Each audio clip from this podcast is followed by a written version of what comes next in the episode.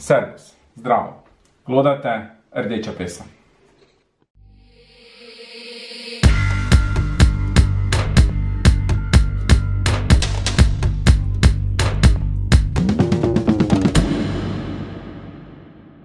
drugi oddaji aktualno v produkciji Rdeče pese bomo spregovorili o ameriških predsedniških volitvah. Je Amerika po volitvah zopet svobodna?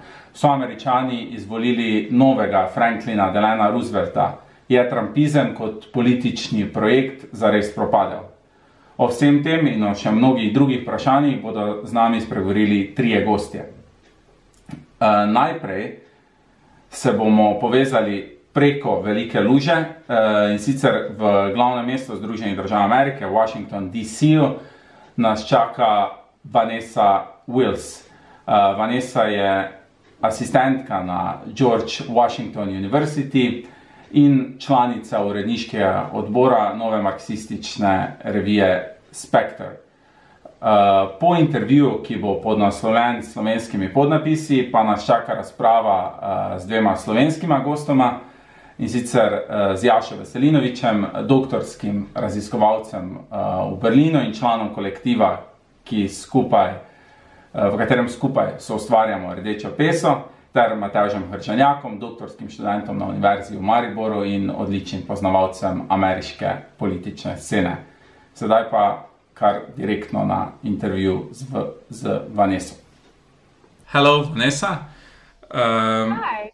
Hi. I hope uh, we hear each other uh, well and that uh, that internet connection will uh, last for this uh, interview. Yeah.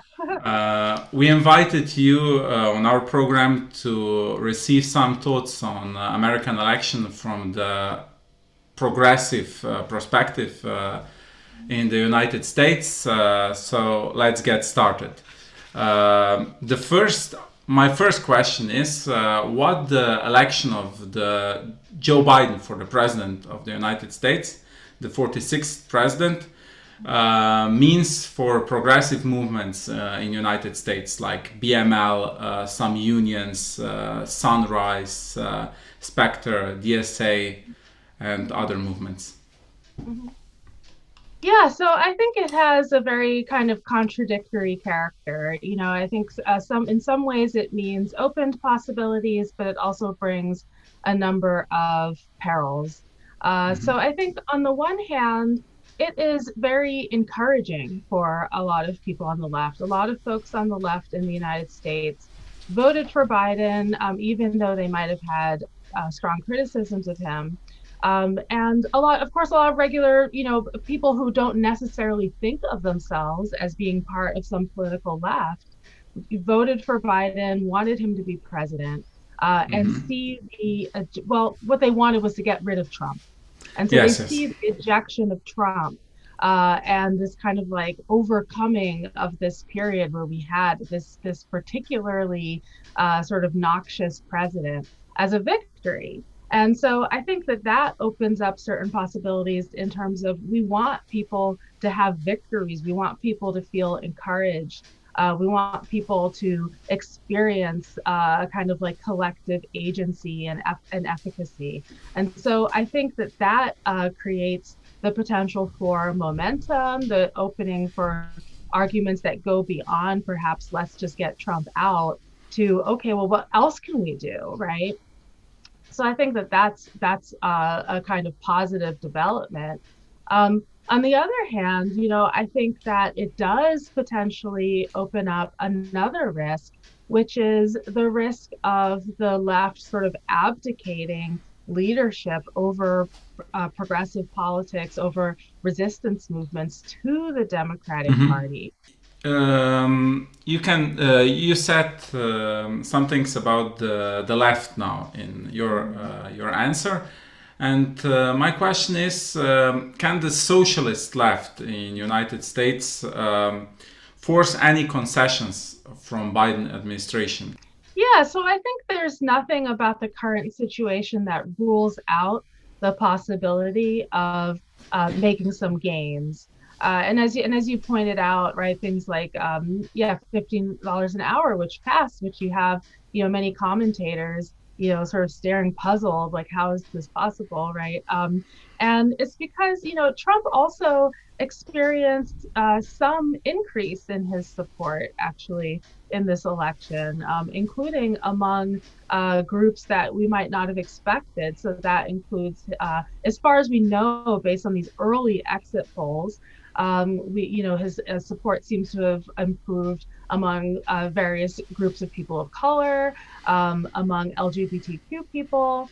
Um, and so there is this, again, this kind of um, contradict- contradictoriness of the political situation. Because if you do support $15 an hour, which candidate do you vote for, right? It is a bit of a toss up. I don't think we should be actually too surprised uh, to see these things kind of come apart in the way that they have.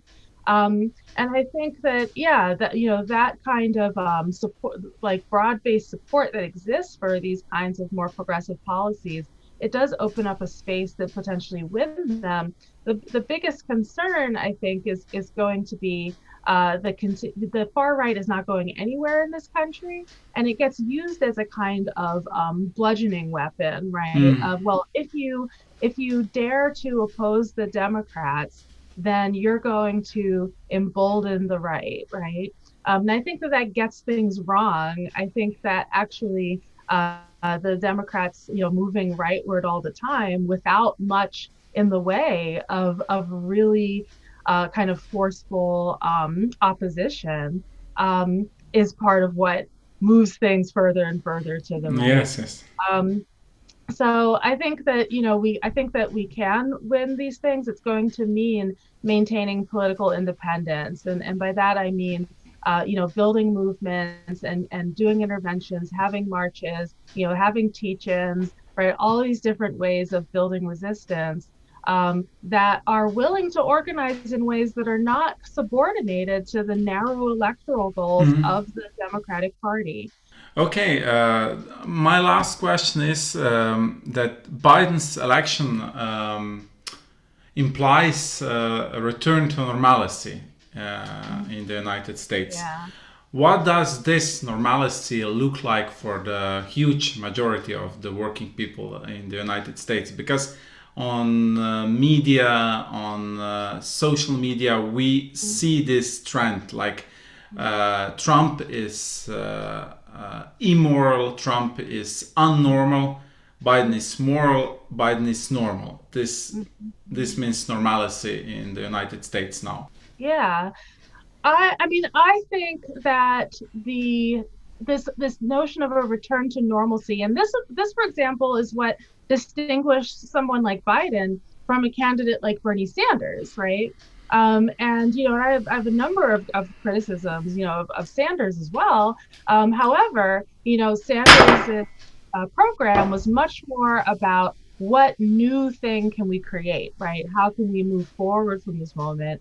You know, and as you put it, you know, for Biden, it's very much this promise of a kind of reset.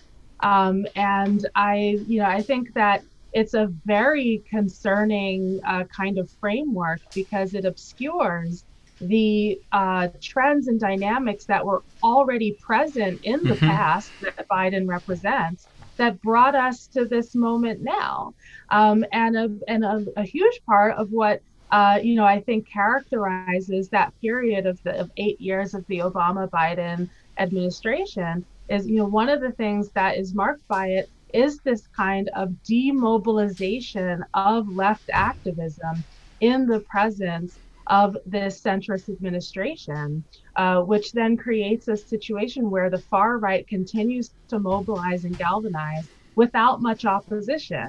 Uh, you know, it's not an accident that what we get out of that is a president like Trump.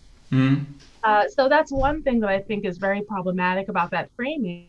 The other thing, right, is you know to, to come at your question more directly about you know what does it look like. It's important to uh, to recall that the Black Lives Matter movement began in 2012. Obama yes. was president, right? Uh, Biden was vice president. And that was a period when Black people in the United States saw the need to state that Black Lives Matter, which is, you know, which ought to be quite a minimum you know program right? You know this idea you know, we matter right? Can we at least get that? You know so that's what the conditions were for black people. So uh, you know re- first of all we can't actually return you know to a time before trump. Uh, you know the idea that trump is this kind of one-off aberration that we can just wipe off the board is mistaken. He this pres this presidency has you know indelibly uh, transformed our uh, political culture, largely for the worse. Um, and and secondly, even if we could, you know, you know, um, it doesn't mean that, that that is not a set of circumstances that would in themselves cry out, you know, for for being resisted, overthrown, challenged in in every possible way. So I, you know, this this idea of a promise of a return to that time, you know, I really regard it in some ways as you know as as less as more of a threat than a promise because not only was it a time before Trump, it was also a time before the huge upheaval in political activism that we've seen. You know, whether mm-hmm. it's more strike activity uh, than we've seen in decades, Black Lives Matter, uh, creating larger uh, pr- protests for uh, civil rights and uh, larger uh, in the, the in the, in the uh, attitudes about race and racism amongst everyone in society, including whites, more movement than we saw in decades before. And I think that part of what's inherent in Biden's uh, promise of a return is a return to a time before we had those things either. And we yes. need to be building on them, not trying to erase them. Yeah. Um, best uh, best things for last. this of your commentary here. Uh, so we don't have any more time. Uh, okay. So I'm a talker. yeah, and a good one. Uh, thank you. okay, thank you for for your time and interesting answers, uh, and hope to see you uh, soon again. And yeah. we send our best wishes to you and uh, to your comrades in the United States. Thank you. Likewise.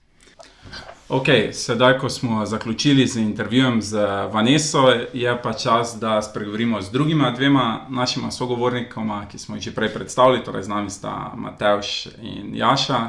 Zdravo obema. Živijo.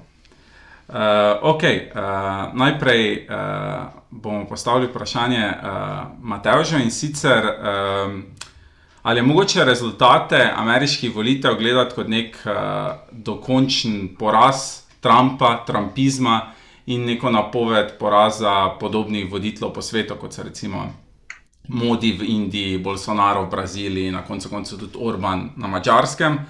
Ali pa je to, da je Donald Trump dobil uh, več kot 7 milijonov več glasov kot leta 2016, uh, kot vidimo lahko tu na grafiki ali je to mogoče uh, jemati kot nek dokaz, kako dobro se je Trumpizem usidral med uh, ljudi v Ameriki, pa podobni voditelji tudi med ljudmi uh, po svetu. Ja, jaz mislim, da če to sploh gre, pri tem sploh gre za porast Trumpizma, je to samo začasno, ne? ker je pač, si rekel. Mm. Rezultat je bil zelo tesen, vihoma je pač Biden v nekaj ključnih državah dobil več glasov od Trumpa, pri čemer sta pač ja oba povečala število glasov, oziroma volilna udeležba je bila to kar rekordna pač v zgodovini um, ZDA. Tako da Trump, Trumpizem mislim, da je še zelo močen in bo še živel naprej. Predvsem zato, ker se mi zdi, da Biden ni toliko zmagal zaradi tega, ker bi se ljudje navdušili nad njegovimi politikami, ali ker bi bil ljudem všeč kot politik, kot osebnost, ampak je bil pač bolj kot nek protestni glas proti Trumpu. Ne, no, to je moje mnenje. Uh -huh. uh, Kaj bi pa? Pač na... uh, zdaj, zdaj, ko si rekel ta ja. protestni glas, pa ko si rekel glede, uh, glede udeležbe. Kaj je po tvoje uh, najbolj vplivalo na to, uh, da so ljudje tako množično, recimo, letos zdrli na volitve, ali pa množično pošiljali glasovnice po pošti, uh, če na ta način to razložim? Ja. Ja, jaz mislim, da pač enostavno so bili mnogi so bili jezni, predvsem kak, pa ne, ne zaradi tega, kakšne politike Trump sprejema, bolj za, zaradi njegovega načina komuniciranja, zaradi tega, kar je pač pisal po Twitterju, kar je govoril v medijih. Ne? In ste se pač čutili, vem, da jim neko sramoto povzroča, da jih ne zastopa za res in se pač zdaj odloči jih pokazati. Ne? Trump ni primeren za predsednika, ne strinjamo se tem, pač, kar govori v medijih, kar piše na Twitterju, in pač gremo glasovati proti njemu. Mm. Tor, torej, se ti zdi, da bi neki bolj uh, mainstream uh, republikanec, uh, ki bi imel uh, podobne politike, pa verjetno še hujše, uh, še slabše politike od Donalda Trumpa, recimo Mike Pence, ki ni tako vešč recimo, v tej uh, uporabi socialnih omrežij. Uh, bi, bi na teh volitvah imel več možnosti proti Joe Bidenu, ali, ali bi jih imel manj, zaradi tega, ker vseeno ne bi mogel, tako pravi showman, kot je Trump, navdušiti te svoje baze. Ja, jaz mislim, da konkretno Pence je pač vem, premalo karizmatična oseba, da bi lahko predsednik, oziroma da bi lahko kandidiral in zmagal v dirki za predsednika. Tako da, po mojem, ni to, mislim, to ne bi bila neka alternativa za republikance, ampak se mi zdi, da je že Biden sam skoraj na pol nek republikanski kandidat. Ne. Zavrnil je pač marsikatere progresivne ideje, kot so Green New Deal, kot je Medicare for All. Ne, to, kar so pač uh, producirali v. Skoraj nič, nič ni povzel, Biden v svoji kampanji. Mhm. Včasih pač vseeno znotraj eh, v stranki potekmuje, kdo bo kandidat. Tisti, ki zmaga, pol od poražencev, vseeno prevzame nekaj, če je pač bil dokaj popularen kandidat, njegov proti kandidat. Ampak zdaj se zdi, kot da so Sandersa in njegovo gibanje pač čisto odrezali, ne, ne omenjajo jih več. Kar pa v medijih vidim, zdaj največ omenjajo spet, kako morajo zaceliti narod, kako morajo ljudi spet povedati, da je ta razdelitev bila grozna. In pač da je bolj, se zdi, kot da bo koncesije spet bolj dali na desno stran, da bo pač bolj desne politike vodil Trump, uh, Biden, zato da pač ne bi preveč razburil republikanskih volivcev. Ja, torej bi lahko rekli, da so. Idejami, kot je zdravstveno zavarovanje. Recimo, ekstremni. Uh, pa rad bi še podaril, morda ja, samo to, da zboli. mediji zdaj res govorijo, ja, pa so tudi med kampanjo Trumpa, je treba premagati Trumpizem je zloben, je prinaša slabe stvari za državo. Ne? Ampak, kot se mi zdi, je bila glavna tekma, je bila pač establishmenta demokratskega proti Bernie Sandersu. Da so njega premagali, je bilo za njih tri četrt dela v bistvu upravljenega. Potem, če bi pač zmagali ali izgubili proti Trumpu, to ni tako hud udarec, kot bi pa bil, če bi dejansko izgubili proti Sandersu. Ne? Bi tudi njihovi uh, donatori, financerji pač verjetno kar precej odrezali svoje financiranje. Če bi mm -hmm. nek narekovajih socialistov uspel zmagati v tej dirki. Eh, zdaj, drugo vprašanje, eh, ki imam za te, je, eh, Donald Trumpa mnogi ocenjujejo za najbolj odkrito rasističnega predsednika v zgodovini Združenih držav Amerike. Kako to, da je ta najbolj odkrito rasističen predsednik v zgodovini, po podatkih sporednih volitev, ki smo jih recimo lahko spremljali na CNN, dobil največje pridobil ogromno število glasov uh, v vseh spolno-rasnih kategorijah, razen pri uh, belskih moških, torej pri črnskih ženskah, črnskih moških, latinoameričanih, azijcih. Uh, pri vseh teh kategorijah uh, je dobil uh, tako absolutno število, uh, večje število glasov, kot tudi uh, relativno na podlagi, oziroma v primerjavi s tistimi iz 2016 kako bi to komentiral, zakaj je do tega prišlo? Ker če recimo smo samo obsojeni na to, da spremljamo neke prevladujoče mainstream medije, bi rekli, to je nemogoče, da se kaj takega zgodi. Ja, očitno je pač, da nekateri od teh, ki so ga volili na črnske skupnosti, na timo skupnosti, ga niso dojemali kot zelo rasističnega ali pa jim je pač njegovo vem, rezanje davkov in podobne politike blagodejno vplivalo pač na njihov vem, dohodek, na njihovo kvaliteto življenja. Eno od teh ameriških uh, eh, TV mrež, ne vem, je bil ABC, je pred volitvami tudi naredila na uh, zvezdni ravni anketo med državljani, da pač, ka, kako se jim zdi, da je njihov življenjski standard v primerjavi izpred štirih let. In jih je pač mislim, da okrog 55 odstotkov odgovorilo, da živijo bolje pač kot pred štirimi leti. Tako da ne, ni bil Trump vsem povsem negativen, povsem katastrofalen. Ne? Da so tudi nekateri pač videli neke pozitivne stvari, tudi morda v tem vzroku, ki so ga pač volili. Ampak je še, še vedno treba spet poudariti, da to povečanje, ki pač so ga ankete zaznale, eh, glasov črncev za Trumpa, glasov latinov, žensk, je še vedno zelo malo. Predvsem pri črncih, naprimer, je bilo to, to torej, približno 8 odstotkov, ne? torej Mhm. 92 odstotkov je še vedno volilo za demokratske. Tako da to je vseeno zelo, zelo male mase ljudi, v katerih se pač zdaj pogovarjamo. Ampak, ali, recimo, če bi prišel do nadaljevanja tega trenda, če pride iz 4 na 8, na 12, na 16, potem nekako pade ta ustaljena trditev, ki jo imamo v ameriški politiki, v ameriški sociologiji, torej da je demografija tako usodno naklonjena um, demokratom, da v bistvu ne bi rabili v naslednjih 20 letih narediti nič. In da bi pač demografske spremembe prevedle do tega, da nimamo republikanskih uh, predsednikov, republikanskih guvernerjev v nekih državah. Očitno ta trditev ni tako trdna, kot se je zdela, recimo, pred, pred leti. Kaže, nikakor ne, in se pač demokrati ne bodo mogli samo na to zanašati, da bi pač avtomatsko vse manjšine, vsi pripadniki manjšin volili samo za njih. Samo zato, ker pač so demokrati in ne bi popolnoma nič drugega ponudili. In že ko si naprimer, omenjal ta Trumpov rasizem, sem šel malo pogledati te podatke naprimer, o deportacijah eh, mm -hmm. tako imenovanih nedokumentiranih migrantov v ZDA. Ne. Pod Trumpom, čeprav so to izpostavljali kot zelo velik problem, kot zelo veliko negativno točko, da se spravljajo na te manjšine, da se spravljajo na migrante, ki so v Ameriki živijo, pa imajo ki urejene dokumentacije, da so jih enostavno manj pač deportirali je ICE, uh -huh. ta služba, agencija, zvezna, ki pač se ukvarja s tem, izvedla bistveno manj aretacij, kot so bile zadene, naprimer pod Obamo. Se o tem nikjer ni poročalo, v kakšnih količinah pač ljudi izganjajo iz države. Uh -huh. Tako da pač ta rasizem ljudi, ki so ga videli pri Trumpu, je pač zelo površinski. Pač Trump je nekaj groznega na Twitter napisal, joj, kako grozna oseba je, kako grozen predsednik je in je to res rasist. Ampak ne, seveda, te problemi rasizma v ZDA so veliko bolj globoki. Ja, seveda. Da, tri tviti od Trumpa. Ja, niso ga ne sprožili, niso ga ne zaustavili ti tviti.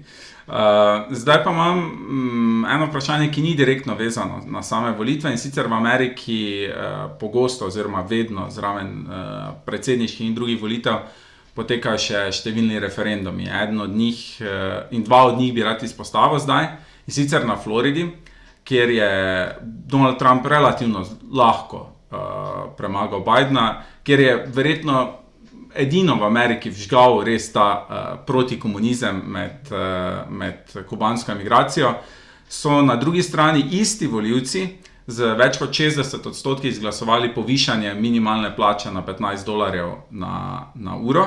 In sicer do leta 2025, izdajšnjih 8 in nekaj na, na Floridi, na drugi strani pa v pregovoru na najbolj progresivni Kaliforniji, pa so voljivci izglasovali še z večjo večino, da vozniki Uberja niso delavci Uberja, niso zaposleni v Uberju, ampak so neodvisni podizvajalci, samostojni podjetniki. Kot vidimo tu na grafiki, je en super tweet kjer je pokazano, kako Uber, uh, voznik Uberja, ki je pogodbeni uh, izvajalec, vozi čez plače, delovske pravice, uh, čez delovne pogoje uh, ta istih voznikov Uberja.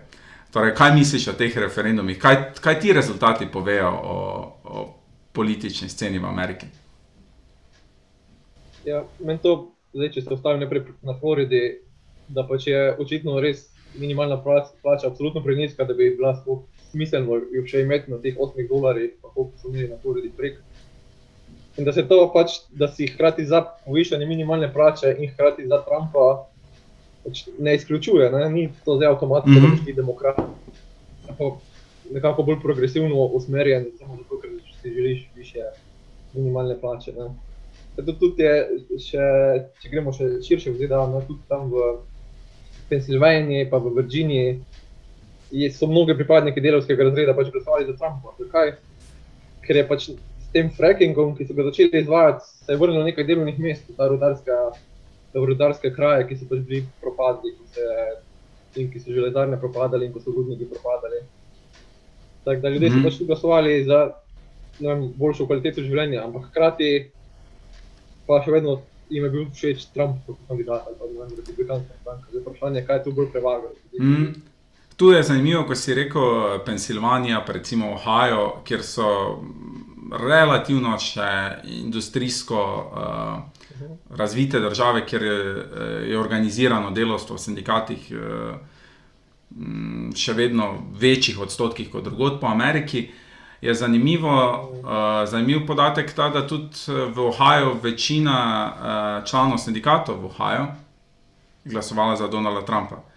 Kar, kar na drugi strani kaže na izobraževalno, edukacijsko nemoč uh, sindikalnega gibanja v, v teh državah. Uh, ne zato, ker bi bil Joe Biden toliko boljši predsednik, ampak zaradi tega, ker niso v teh letih dobili skoraj nobenih koncesij, niso uspeli nič prisiliti to administracijo, hkrati pa je njihovo članstvo v masah. Glasovalo za uh, Donalda Trumpa, na drugi strani smo imeli kandidata, ki so ga pregovorno v Ameriki klicali Working Class Joe. Ampak vseeno ni uspel ja. dobiti takega števila teh glasov. To se mi recimo zdi tudi zanimivo. Ja. Je tu še ena zanimiva stvar, ne, da kot si rekel, so pač člani sindikatov volili v nasprotju z željo pač teh central, najgore mm -hmm. predvideva.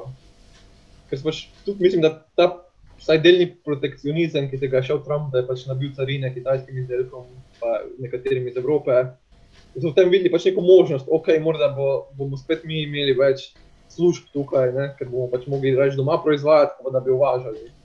In mm -hmm. to je nekaj, kar je rezoniralo pač med temi sindikalnimi članstvi, ki so upali, da bo to kaj izboljšalo za njih neposredno. Ja, je. Uh, zdaj, na, za konec uh, tega dela, pa imam še eno zaključno vprašanje in sicer Joe Biden kot predsednik. Ja, izvoli, izvoli. Ja. Kalifornija, točno. Bog ne daj, da bi pozabili.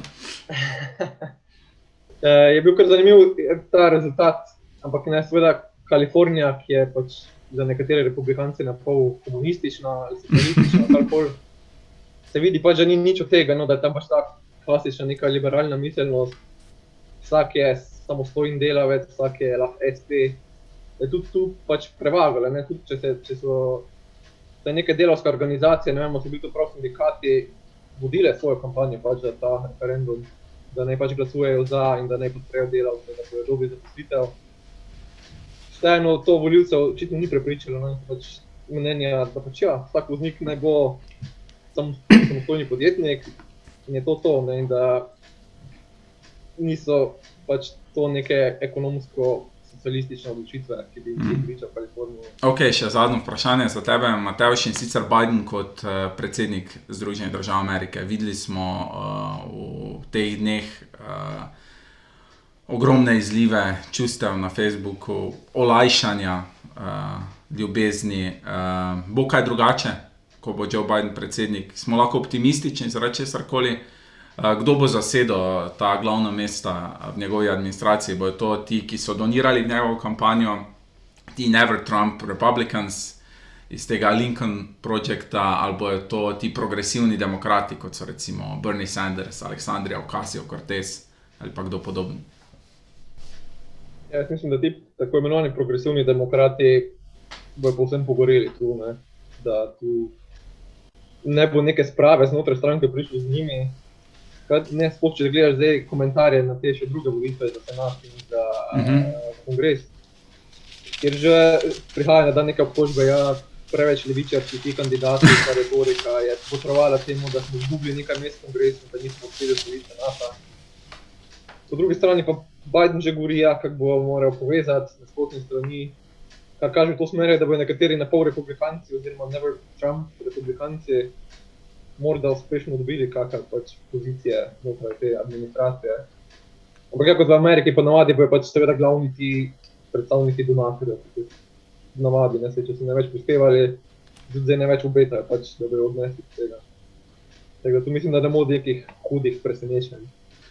Torej, zdaj ti donatori so dali, uh, so vložili v delnice Joea Bidna, zdaj pa bodo pobrali dividende, ko bo postal Točno, predsednik, recimo, uh, recimo v tem žargonu. Uh, ok, zdaj pa če gremo uh, na tebe, Jaša, in sicer uh, za Trumpa smo večkrat slišali, da je to prvi predsednik. Uh, zadnjih, recimo, 60-ih, 70-ih letih, ki je prakticiral ta uh, izolacionizem, klasični izolacionizem, ameriški, ki smo ga videli tja do prve svetovne, pa tudi do druge svetovne vojne. Je, je to res, se je to res odvijalo, uh, pa katere so bi ti ocenili, da so bile te ključne mednarodne poteze v času Trumpovega mandata in so te ojačale moč ameriškega imperija, tako gospodarsko, politično, vojaško, ali so ga, kot so svarili ti uh, malo bolj pro-vojni uh, komentatorji, uh, ošibile.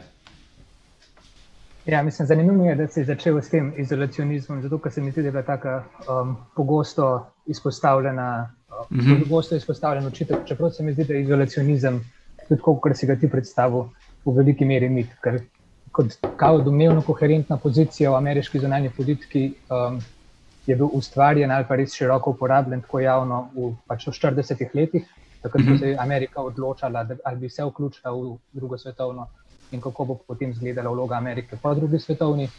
In ta izolacionizem, ki je bil takrat zgrajen, je bil zgrajen kot svarilna zgodba, kao poglejte, kaj se zgodi, um, ko se Amerika ne omešava v svet, dobili smo dve svetovni vojni, da je nikoli več tega Um, in zato mora zdaj Amerika prevzeti to um, glavno vlogo v svetu in povesti svobodni svet. In se mi zdi, da je še zmeraj na podoben način uporabljen tudi za Trumpa, kot neka uh, sklicevanje na neko neobstoječo zgodovino. No, rekel, Ker zgodovina Amerike je bila vedno ekspanzionistična, pač najprej na samem kontinentu, pač ta širitev na um, zahod, pa ta um, The Frontier, se pravi, te pogumni kavboji, ki grejo um, v te neodkrite stepe in podobno. Um, potem pa tudi kasneje, tudi na koncu 20. stoletja, ta Amerika, recimo za Kubo in Filipine. In tako. tako da nikoli ni bilo, um, Amerika nikoli se ni držala zase ali pa bila um, samo se ukvarjala sama s sabo, kot hoče prikazati te, ki izpostavljajo to izolacionistično zgodbo. Um, kar se pa tiče glede. Glede teh Trumpovih potez, pa ameriški imperij še prejši, močnejši, se mi zdi, da jih Um, to vprašanje, kako se on razlikuje od svojih predhodnikov, pa še vedno precej nejasno, pa predvsem tudi odvisno od tega, kaj, kako je definirano to, kar je bilo prej. Če, če gledamo samo posamezne politike ali posamezna področja, se mi zdi, da za skoraj vsako stališče lahko najdeš primere za um, nadaljevanje in prevelik prelom. Da, jaz bi rekel, da eni trije elementi um, se lahko pokažejo, ali pa da lahko mislimo o tej ameriški zunanji politični strategiji po, drugo, po koncu hladne vojne, spoljene tri glavne elemente. Um, prvi je ta ameriški ekscepcionalizem, mm -hmm. pravi ta verja v ameriško posebno poslanstvo v svetu, poklicano z ZDA, da kažejo pot um, svobodnemu svetu. Drugi ta element je recimo, da zagotavljanje pogojev za kapitalsko akumulacijo, se pravi za to uspešno um, pač uspešne kapitalske kroge, um, primarno ameriškega, ampak delno tudi pač splošno globalnega kapitala, s tem, da se je zagotavljala odprtost trgov. Um, tretji stebr je pa spodbujanje tudi političnega liberalizma, kar pač povezano s tem drugim, ampak predvsem tega političnega liberalizma, kot je bil nekako telešen skozi te multilateralne državne institucije, kot je um, Svetovna trgovinska organizacija, um, Mednarodni denarni sklad in podobno pa tudi skozi razne te projekte spodbujanja demokracije. Um, tako da, če mi dovolite, da še nadaljujem, svoje na veliko zastavo. Um, ne, ne, ne, kar izvoli. Ja, se mi zdi, da je pomembno reči, da pač te spremembe, ki se dogajajo, niso pač le samo posledica Trumpa, pač ne, ne uh -huh. posledica globi geopolitični premiki, ki potem seveda Trump daje svoj twist, ampak soočiti z njim se bo pa mogel tudi Biden. In zato ne bo nobene preproste ne, te vrnitve v normalnost ali pa niti totalnega preloma s tem, kar je delal Trump. No. Tako da, glede na te tri točke, ki sem jih prej omenil, um, bi rekel, da je Trump siguren prelom, prelom s prvo, s to idejo o ameriški izjemnosti. Se mi zdi, da je najbolj znamenito že takrat med kampanjo 2016, ko je bil vprašan o Rusiji, pa kako to, da um, ne smatra Putina za tako groznega kot cel preostanek ameriškega establishmenta. In, in, tak, in takrat odgovoril, Um, a mislite, da Amerika je pa tako drugačna, se mi tudi ubijamo ljudi? In to je totalna mm -hmm. pozicija, ki jo sicer noben ameriški predsednik do zdaj ni zagovarjal. Um, in prav tako Trump mednarodno pa v naslednjih štirih letih ni nastopil z neke vzvišene pozicije, ampak je bolj prevzel to vlogo. Um, kot smo samo še ena od mnogih držav, ki se bori za svoje mesto v, v svetu, ne pa ta a priori, um, da smo vodilna država. Uh, Pariški podnebni dogovor, izstop uh, Amerike iz, uh, iz tega dogovora, gotovo ena najbolj, uh, najbolj škodljivih tudi najbolj pomembnih uh, posledic mandata Donalda Trumpa, ravno dan po volitvah, mislim, da je Amerika uradno izstopila iz Pariškega podnebnega dogovora. Kako kak zelo pomembno je to, da je Amerika zapustila uh, ta dogovor, in um, ali bo uh, Joe Biden vrnil Ameriko v uh, Pariški podnebni dogovor, in kako ambiciozne te okoljske cilje si bo postavil. To pa sprašujem predvsem v tem kontekstu.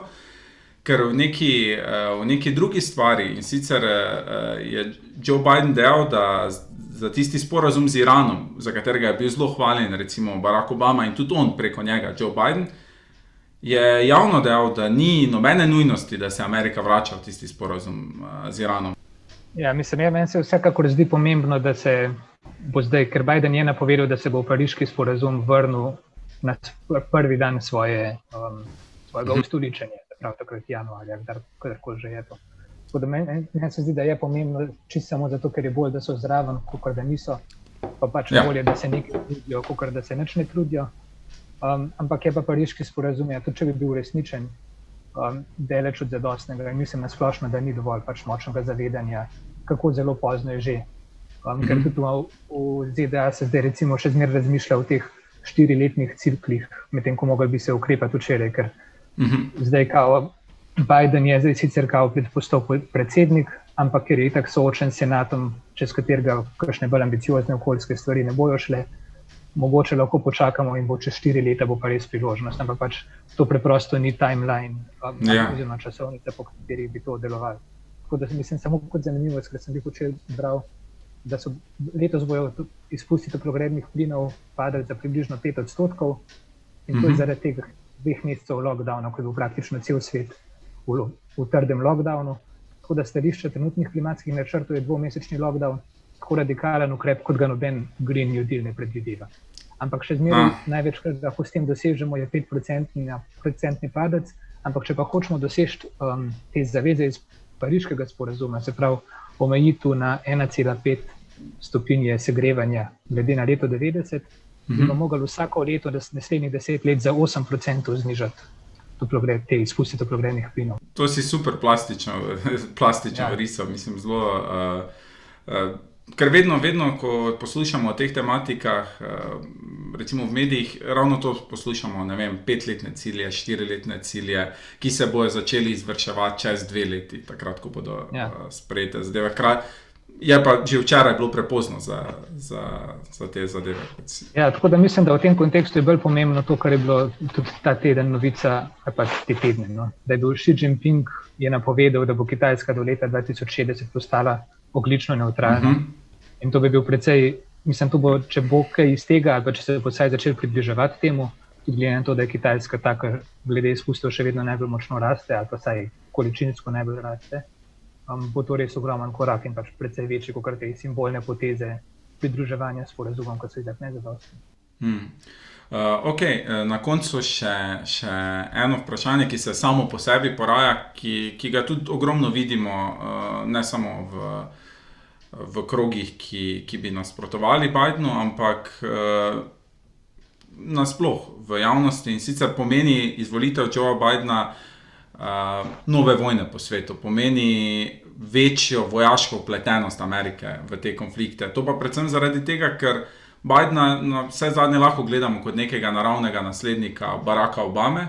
Obama je pa v svojih letih zelo, uh, bomo rekli, uh, pridno, potrpežljivo nadaljeval politiko Georgea Busha, mlajšega, glede vojn, naj bo to v Iraku, v Afganistanu, Siriji, Libiji. Uh, zdaj imamo tukaj zraven grafiko teh nekih kriznih žarišč. Uh, kje se ti zdi, da bi lahko prišlo do, do vojaške intervencije Amerike, je mogoče, da pride do nje, uh, in uh, kako bi jo recimo Bidenova administracija upravičila pred, uh, ne samo pred svojimi ljudmi, ampak pred uh, tistimi, ki so Bidna postavili na ta položaj, in pred mednarodno skupnostjo kot tako. Ja, mislim, kar se tiče vojne, sigurno bo Trump, bo Biden nadaljeval um, s trgovinsko vojno s Kitajsko. Ja. Ampak glede teh bolj um, dejansko vojaških intervencij, se mi pa zdi, da je, um, pa je mogoče malo ni tako nujen ta fokus pri vojni samo na, na boja, da dejansko vojaško vojno. Ker se mi zdi, da um, recimo v zadnjih par letih so v ZDA, po mojem, ugotovili, da ne rabijo nujno vojne ali pa klasičnih CIA pripričal. Uh -huh. Venezuela, recimo, ima trenutno, kjer je pač slavno ne uspel ta um, puč z Guaidojem, ampak ima trenutno vse najnižjo proizvodno vojne, mislim, najnižjo proizvodno nafte v zadnjih stoletjih in to brez kakršne koli kopenske invazije ali pa dronov. Um, to, kar sem rekel prej, da je bila to infrastruktura, ki je prej nekako negovala kot nek um, um, servis, vsaj približno neutralen za vse um, države, ali pa vsaj ta nek um, na vides neutralen multilateralni sistem, zdaj uporablja za dejansko za doseganje svojih ciljev. Tako da recimo Venezuelo lahko čist zadušiš mm. um, sankcijami. Tako da recimo, da so um, v ZDA pač preprosto rekli, za glede Venezuele, da vsaka firma, ki sodeluje v venezuelski proizvodnji nafte, ne more poslovati z ZDA. In za večino korporacij pač so ZDA prvič pomembnejši trg kot Venezuela. Poleg tega pa predvsem večina posluje vsaj delno v dolarjih, kar pomeni, da morajo vse mhm. transakcije na neki točki skozi ameriški finančni sistem. In če si pač lahko iz tega finančnega sistema um, izključen na podlagi tega, da sodeluješ z državo, kaj pod sankcijami, je to pač tvoja firma um, uničena. Tako da, um, kar se tiče bolj vojaških posredovanj, mislim, sigurno bojo ostale te low-level droni, pa um, antiteroristične operacije, to, kar je vidno ujemno in podobne stvari. Ampak mislim, da kakšnih teh večjih kopenskih invazij, pa tudi zaradi um, tega nasprotovanja doma, mislim, da ne bo. No. Uh, ok, uh, zdaj pa res uh, uh, to, ko smo imeli časa za danes, uh, na koncu, uh, kot smo že imeli v prvi oddaji, pa prosim za en, uh, en ali dva stavka za naše gledalke in gledalce, potem pa bom še uh, sam dodal svojega, evo, Matejši, izvoli. Jaz bi samo rekel, pač, da demokrati slavijo zdaj to zmago kot vrnitev v neko normalnost. Ampak pozabil povedati, da ta normalnost, v katero se vračajo, je pripeljala Trumpa pač na pozicijo predsednika. Mm -hmm. Če ne bo se nič konkretno spremenilo in ne kaže, da se bo, bo sledil tej, tej normalnosti, en, bo te hujši, kot je bil zdaj Trump. Mm -hmm. Super. Jaša? Uh, ja, jaz bi se zahvalil za povabilo. Pa, um, se mi zdi, da sicer sem tudi sam absolutno tega kriv, ampak da se da mogoče se ne smemo spustiti preveč v to fascinacijo um, z Ameriko, ker tako glaven boj pač, ali karkoli je še vedno doma. Tako da mislim, da ko je se fino pogovarjati o ameriški zunanji politiki, bi se mogli pač večkrat tudi o evropski, kjer pač um, kljub temu, da je Amerika imperij, pa koliko je močna, um, se ne dogaja vse samo tam, ampak je pač um, nekaj moči, pa pač več, ko si jo mhm. vzamemo, več jo imamo. Je tudi um, na tej strani Atlantika ali pa tudi v Sloveniji, konec koncev. Mislim, da je zdaj Jaša dal uh, mimo redakcijskega sestanka kar predlog za eno oddajo. Uh, hvala uh, vama. ja, res je. Uh, uh, hvala vam, obema, hvala tudi Vanesi, ki je prej sodelovala. Uh, hvala vam, da ste nas spremljali kanal Rdeča Pesa uh, ustvarjamo uh, z omejenimi kadrovskimi možnostmi in brez financ, zato naj velja, da nas boste lahko spremljali skoraj uh, vsak četrtek. Do takrat pa se naročite na naš kanal, polajkajte nas na Instagramu, Facebooku, retvitajte kako našo zanimivo domislico, predvsem pa jejte, glodajte in gledajte Rdeča Pesa. Hvala, adijo.